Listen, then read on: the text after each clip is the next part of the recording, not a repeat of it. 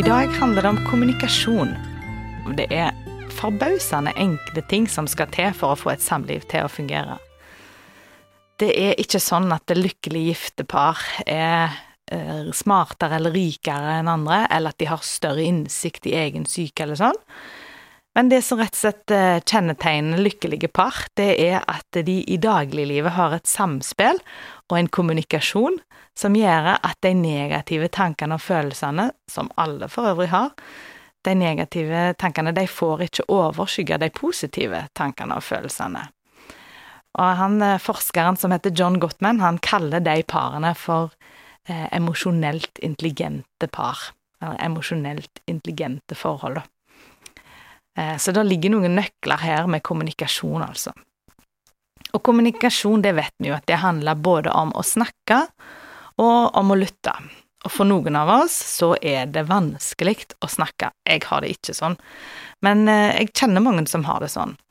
Eh, og særlig det å snakke om tanker og følelser, det kan for mange oppleves som veldig unaturlig og skummelt, eh, og det kan være mange hindringer som ligger i veien for det å tørre å sette ord på det vi tenker og føler. Kanskje vi kan være redde for å bli misforstått, eller vi tenker at det er altfor komplisert, jeg klarer ikke å si det. Jeg vet ikke hvordan jeg skal finne ordene for å beskrive det, eller Det er nok ingen som kommer til å forstå meg hvis jeg prøver. Og det er dumt hvis vi lar være å snakke av disse årsakene. Vi langt fra land, vinden er vår sang, drømmer fulle våre For andre igjen, da, som kanskje er mer som meg, så kommer det lett en flom av ord og beskrivelser av følelser og tanker med mange ord, og man kan inngående og detaljert analysere seg sjøl og sine egne tanker og følelser. Og det er viktig å sette ord på tanker og følelser og gi den andre et innblikk i, og dermed en medvirkning i ditt liv på den måten. Og det var det å snakke, men kommunikasjon, det handler både om å snakke, men òg om å lytte. Og det å lytte, det tar vi gjerne litt for gitt, liksom. Klart at jeg hører jo hva du sier, jeg lytter, jeg, liksom. Det er ingen av oss som vil innrømme at vi er en dårlig lytter. Men det er altså fullt mulig å lukke ørene og høre selektivt. Men det å lytte godt, det gir deg faktisk eh, mye makt til å la partneren din få kjenne seg verdsatt og elska. Her ligger der en viktig nøkkel, rett og slett, i noe så enkelt, tenk det, som bare å holde munnen igjen og øyeblikket festa på ansiktet til den andre, og høre etter hva som blir sagt.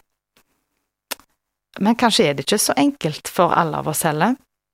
Noen, eh, kanskje de da som har eh, mange ord sjøl, har vanskelig for å høre godt etter.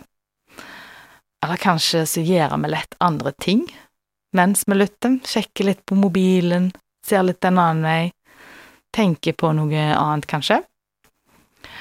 Eh, og Bibelen sier noe om dette med lytting og setter det høyt. Det står i Jakobs brev, enhver skal være rask til å lytte, men sen til å tale, og sen til å bli sint. Jeg tror Bibelen har mange nøkler om disse tingene. Det er lurt å lytte der. Og hvis du skal trene på én egenskap som vil gjøre samlivet ditt bedre, da, så vil jeg anbefale deg å trene på lytting.